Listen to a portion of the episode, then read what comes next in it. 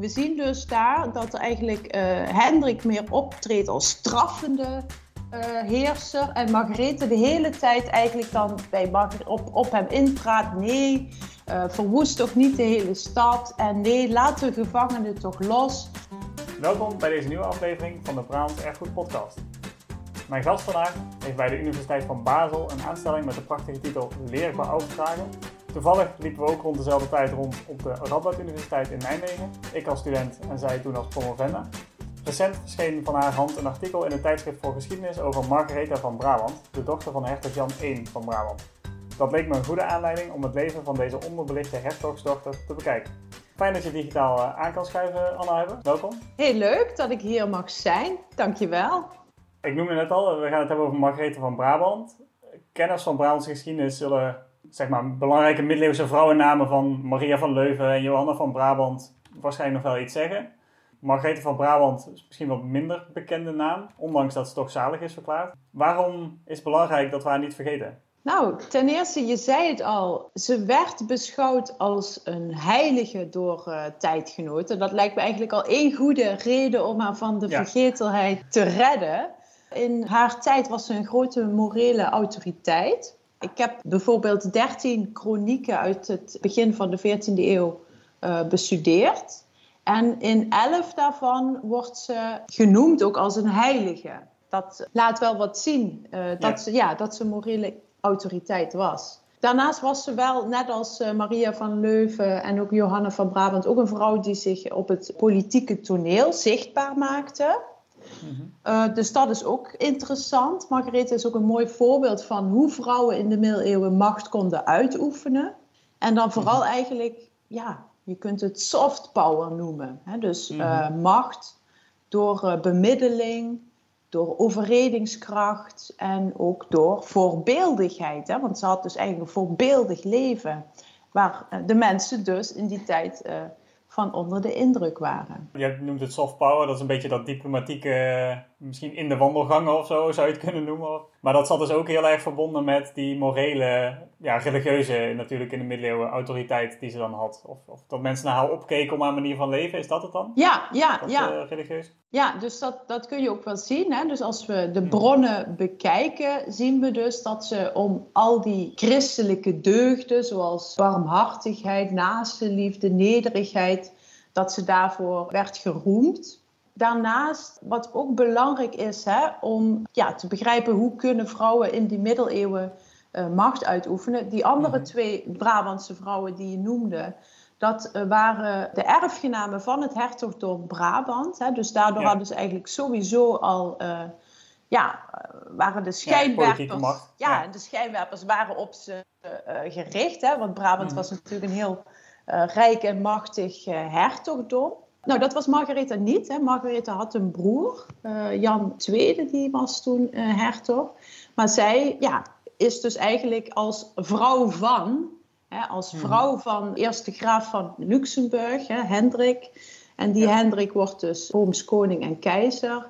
Waardoor kon zij nu macht uitoefenen, is dan de vraag. En dan zien we dus inderdaad dat het ook wel heel belangrijk was dat ze een goede relatie had met die man.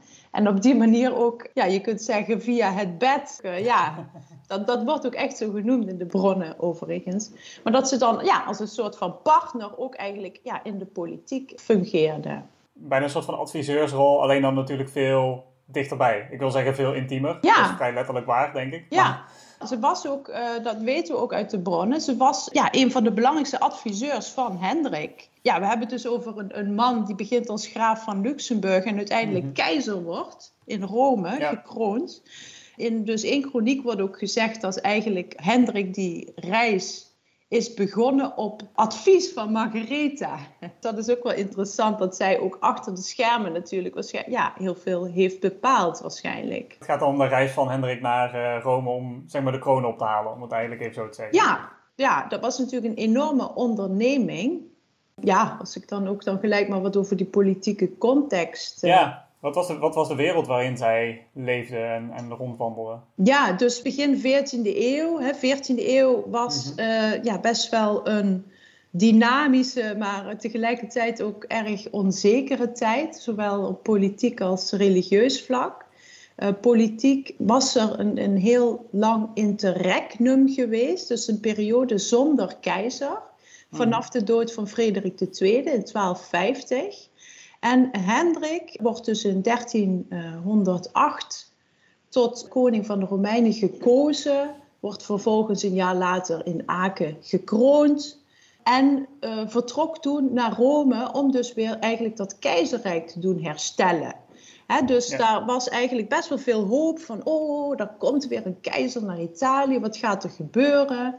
Um, dus dat was ja, best wel een, een, een spannende tijd, ook voor de mensen in Italië die al helemaal geen, uh, al heel lang geen keizer meer hadden gezien, daar eigenlijk helemaal niet meer aan uh, gewend waren een beetje een machtsvacuum eigenlijk. Ja, precies. Dat is dan het Heilige Roomse Rijk hebben we dan eigenlijk over. Hè? Dat is dan wat nu het grootste deel in elk geval Duitsland is. Wat toen allemaal losse uh, ja, graafschappen, hertogdommen, koninkrijkjes, prinsdommen, van alles en nog wat uh, was. En waar dan ook Noord-Italië voor een heel groot deel onder viel op papier in elk geval. Ja, precies. Het hertogdom Brabant en dus wat tegenwoordig de Nederlanden is, maar ook Luxemburg, ook grote gedeelten van ehm, Frankrijk, eh, ook Zwitserland. En dat was natuurlijk een enorme politieke constructie. En daar werd dus uh, de, de man van Margaretha ineens ja, de koning van, hè? Rooms koning. Zij hadden toch echt al heel snel zoiets van, ja, wij gaan, wij willen proberen om dus in Rome weer ook, nou ja, die keizerkroon te halen. Ook omdat ze daarmee ook veel meer prestige kregen. Ook een manier eigenlijk om die macht weer uit te bouwen, als het ware. Ja. Om aan de ene kant te laten zien van ik kan dit, zeg maar. En ik kan overal op bezoek gaan. En ja, niet per se mensen onderwerpen, maar wel even herinneringen van hé, hey, ik ben jullie hoogste baas, om het even zo te zeggen. Maar de, de kroon op zichzelf deed natuurlijk hetzelfde. Ja. Zodra hij die had, dan had, had je nog meer bestuurlijke uh, macht. Ja, Margaretha en uh, Hendrik werden in 1309 in Aken gekroond. Normaal lezen we dan in de literatuur, ze werden gekroond tot uh, Rooms-Duitse koning en koningin. Maar dat mhm. Duitse, dat is eigenlijk een projectie van moderne historici. Mhm. uh, in die tijd werd dat rijk ook gewoon Imperium Romanum genoemd, hè, Romeins Rijk. Daar mhm. was dan heilig wel bijgekomen. Maar ook de titel die dus Margaretha en Hendrik droegen, dat was koningin der Romeinen en koning hmm. der Romeinen. Hè? Dus daar zat helemaal niks Duits aan. En wat ook belangrijk is, Hendrik was überhaupt niet Duits. Hè? Hendrik komt uit Luxemburg. Hij uh, sprak Frans, had goede banden met de koning van Frankrijk. Nou, dat is echt een Franstalig persoon en hij sprak ook met Margaretha Frans. Dus er was helemaal niks Duits aan. En dat is wel echt heel, heel belangrijk, omdat wij natuurlijk met de blik van nu heel erg in die natiestaten denken. Maar dat was in die tijd natuurlijk helemaal niet zo. Dus er was geen Nederland, er was een hertogdom Brabant. En dat viel natuurlijk uh, deels in, in, Nederland deels in België. Uh, in het huidige Nederland en ja, België. Ja. 14e eeuw, onzekere tijd. Ineens komt er weer een nieuw keizerproject, was al heel lang niet meer geweest. En daarbij komt nog een andere, ja, hele nou ja, onzekere factor. Uh, dat is namelijk dat de paus uh, zat niet meer in Rome, maar die zat in Avignon vanaf het begin uh, van de 14e eeuw. Ja, dus die legitimeerde dat project eigenlijk vanuit Frankrijk uit, maar hij zat helemaal niet meer in Rome. Dus dat was heel raar. Maar dat zou dus de eerste keizerkoning worden zonder dat de paus in Rome was. Maar ja, we moeten, ook, we moeten natuurlijk ook vooral over Margarethe praten, denk ik. Ja, precies. Maar uh, zij trouwde in eerste instantie met, dat is dan nog Hendrik van Luxemburg, zoals we hem noemen volgens mij. Hè? De graaf. En dat was, dat was op zich ook al een um, diplomatieke verbindenis, toch? Ja, precies. Uh, als, want zij was natuurlijk dochter van de hertog van Brabant. Ja. Die dan met de, uh, ja, de graaf van een um, buurland, misschien, een buurgebied in elk geval, ja. trouwde. Ja, precies. We hebben uh, die slag uh, bij Boeringen in 1288. Daar wint de hertog van uh, Brabant, dan wint Brabant eigenlijk in Luxemburg. Wordt de graaf van Luxemburg, de vader van Hendrik, sterft en ook de ooms van Hendrik. He, dus Luxemburg verliest daarna, na de in de onderhandelingen, wordt dan besloten dat uh, ja, toch ook om die vrede tussen het huis Luxemburg en Brabant te herstellen, dat dit huwelijk er moest komen. Om dus eigenlijk voor stabiliteit te zorgen ook in de lage landen.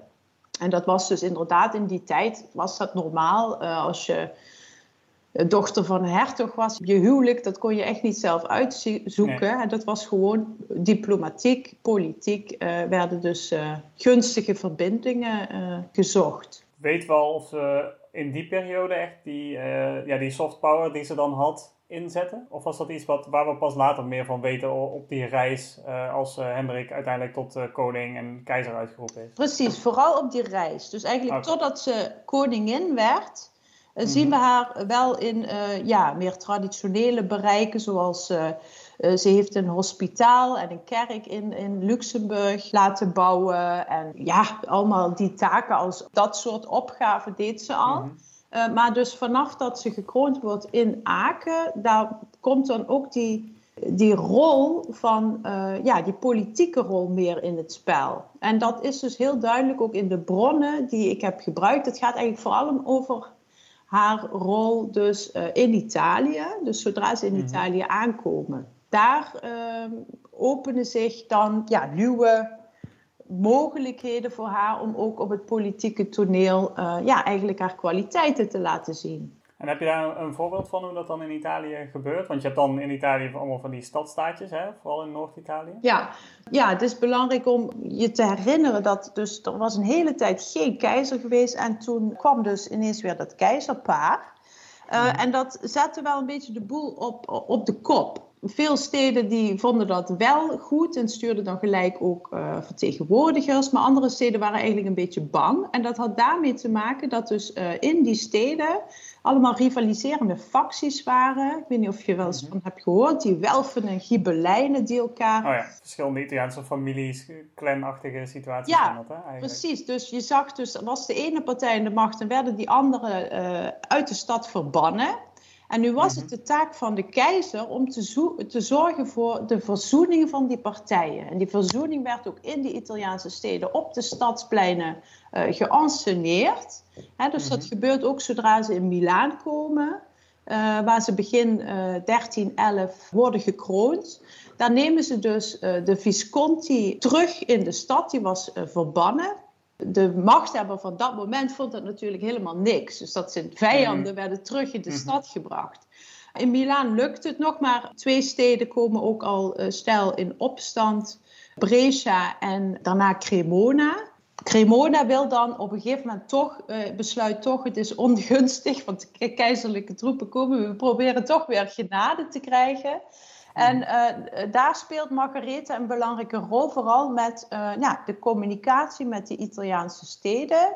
En ook uh, zet dus Margarethe zich in om die steden ja, niet te hard aan te pakken. We zien dus daar dat eigenlijk Hendrik meer optreedt als straffende mm heerser. En Margarethe de hele tijd eigenlijk dan bij op, op hem inpraat. Nee, uh, verwoest toch niet de hele stad. En nee, laat de gevangenen toch los.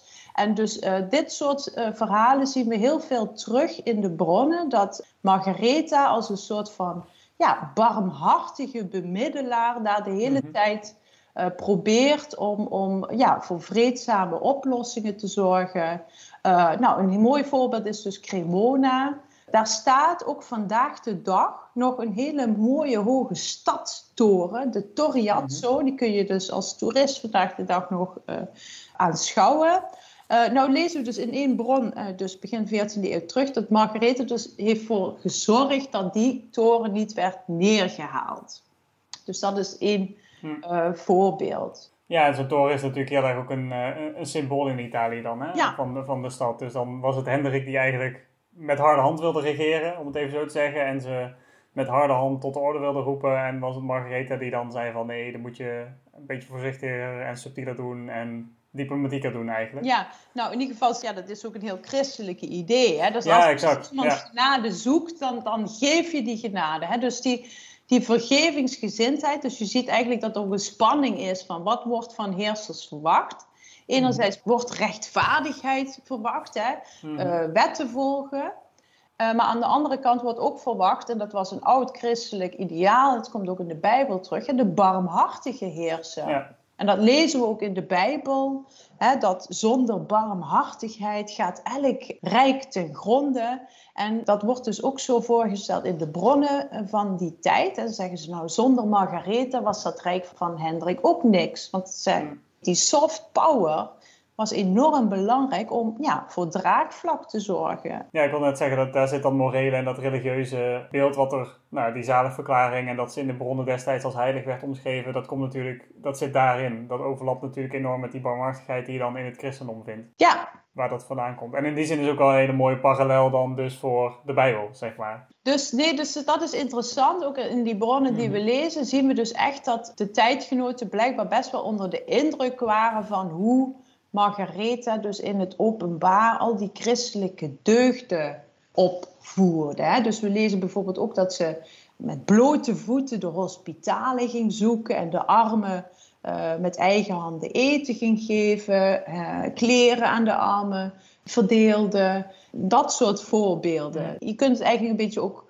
uh, vergelijken met hè, dat, dat het koningspaar vandaag de dag, maar ook de rol van Maxima, hè, dat ze in ja zich mengt onder het volk en als een soort ook van moreel anker. Dan, nou ja, dat is misschien in het geval van het Koningshuis vandaag de dag wat minder, maar dat was in die tijd dus wel zo. Zij vonden een heerser moet deugdzaam zijn. Dat was een heel belangrijke voorwaarde voor de regering. Ja, was in die zin ook een beetje een, een uithangbord voor, dat, voor het bestuur van Hendrik, om het even zo te zeggen. En dan ook nog eens als je dan op, op het soort van hele uh, het wat hogere bestuurlijke niveau, namelijk uh, spaar deze stad als ze in opstand zijn gekomen, maar ook kijk eens hoe goed ze doet, want ze helpt de armen of ze helpt mee in een uh, hospitaal om mensen te verzorgen, wat dan iets heel kleins en praktisch is en wat bijna meer, nou, ze zal het ongetwijfeld goed bedoeld hebben, wat, wat natuurlijk ook hele mooie PR op een wat kleiner niveau Precies, is. ja. Voor, dus, het is, dat, dus dat is ook wel als historicus wel interessant, van hoe moet je dat hmm. nou de vraag is dan natuurlijk, want we lezen dus in alle chronieken hoe vroom ze was. Hè? Mm, maar je kunt mm. natuurlijk zeggen, ja, misschien was ze echt zo heel erg vroom. Maar het kan natuurlijk ook zijn dat ze toch ook wel wist van ja, uh, dit slaat wel aan bij de, bij de bevolking natuurlijk. Ja, dus, ja je dus kan er heel cynisch naar kijken, maar, en je kan er heel, heel moreel of christelijk naar kijken, maar waarschijnlijk zullen we ergens in het midden zitten. Ja, nou, ik denk wel, wel kijk, niet iedereen werd als een heilige gezien. Mm. Hè? Dus uh, het is heel, wel heel duidelijk dat ze toch wel echt uh, in die rol heel overtuigend was. Op zijn minst, ja. ja. Uiteindelijk komt ze ook in Italië aan het einde, hè? Ja, uh, ik zei al, Brescia was ook in opstand gekomen. Was het, uh, tijdens het beleg van Brescia, dat duurde een aantal maanden, bleef ze ook uh, ja, aan de zijde van haar man. Dus ze zat in dat legerkamp en daar brak een epidemie uit. Mhm. En één chroniekschrijver heeft geschreven hè, dus dat ze daar eigenlijk die, een ziek is, nou ja, in ieder geval die mhm. ziekte al heeft opgepakt, waaraan ze twee maanden later mhm. in Genua overleed. Hè. Dus ze overleed in de nacht van 13 op 14 december in Genua. Want ik zei al van ja, ze werd dus als een heilige gezien, maar ook om te mhm. zien hoe in die bronnen, in dus de ja, chronieken en de geschiedenissen die in die tijd werden neergeschreven, hoe daar uh, gereageerd werd en ook stilgestaan werd bij haar dood. Dat is wel best wel mhm. bijzonder, omdat heel vaak, ja, ja, een vrouw, uh, koningin, sterft. Nou, dan komt de, de, koning trouwt weer met een ander. Dan hmm. lezen we niet zoveel details over wat voor een impact uh, die dood had op de koning. En dat lezen we hier hmm. wel. Dus het is best wel bijzonder dat we echt, in, ja, echt enorme treurredes worden ingevoegd van wat een noodlottig en onherstelbaar verlies. En sommige schrijvers ja, proberen dan ook uh, dat met versen van Ovidius uit te drukken. Of we hebben ook bijvoorbeeld, wat ook uh, leuk is natuurlijk voor de Brabantse uh, luisteraars, hè, de mm. chroniek van Lodewijk van Velten in het Middel-Nederlands, de Spiegel Historiaal. Die, die schrijver heeft een soort van reden, een treurrede ook van Hendrik zo ingevoegd. Hè. Dus dan lezen we van hoe mindelijk heb die deze vaart met mij gevaren en de ik met u. Ach arme, moeten we scheiden nu, dat doet mir herten zo wee, dat ik gespreken kan nu dus dat wordt ook echt zo opgevoerd. Ja. Uh, in, hier dus in het Middel-Nederlands. Maar er wordt heel erg ja, bij stilgestaan wat voor een enorm verdriet dat was voor Hendrik. Ja, dus dat is dus ook echt wel bijzonder voor ja, vrouwen in die periode. Zelfs voor een, een adellijke vrouw uit die periode. Dat er zo'n uh, aandacht voor was eigenlijk. Hè? Ja, vooral ook zo breed, hè? want dit is niet één chroniek. Dit zijn echt, uh, nou ja, zeg, mm. zeg zes, zeven, die echt uh, heel uitgebreid ingaan op wat de dood van Margaretha betekende. Ja, voor Hendrik, maar ook algemeen voor het Rijk. En we hebben één chroniekschrijver mhm. uit Milaan die schrijft, ja, ik zei dat al van die barmhartigheid. En zonder barmhartigheid gaat een rijk te gronden. Ja, Margarethe is er nu, niet, nu niet meer. Mm. Ja, dat is eh, dus het rijk gaat, zal nu misschien wel te gronden gaan. Zo. Ja, ja, die barmhartigheid. En ze is nu natuurlijk zalig verklaard. Uh... Nou, dat is eigenlijk, uh, ik kan dan misschien nog wat. Ze is niet mm. officieel door de kerk zalig verklaard, maar we weten dat, dat dus na haar dood heel snel allemaal Italianen bij haar graf gingen bidden: Help mij, koningin, ik ben ziek, ik heb pijn aan mijn arm, dit en dat. Mm. En we hebben dus uh, vijf berichten geschreven en door notarissen bevestigd van wonderbaarlijke genezingen bij haar graf.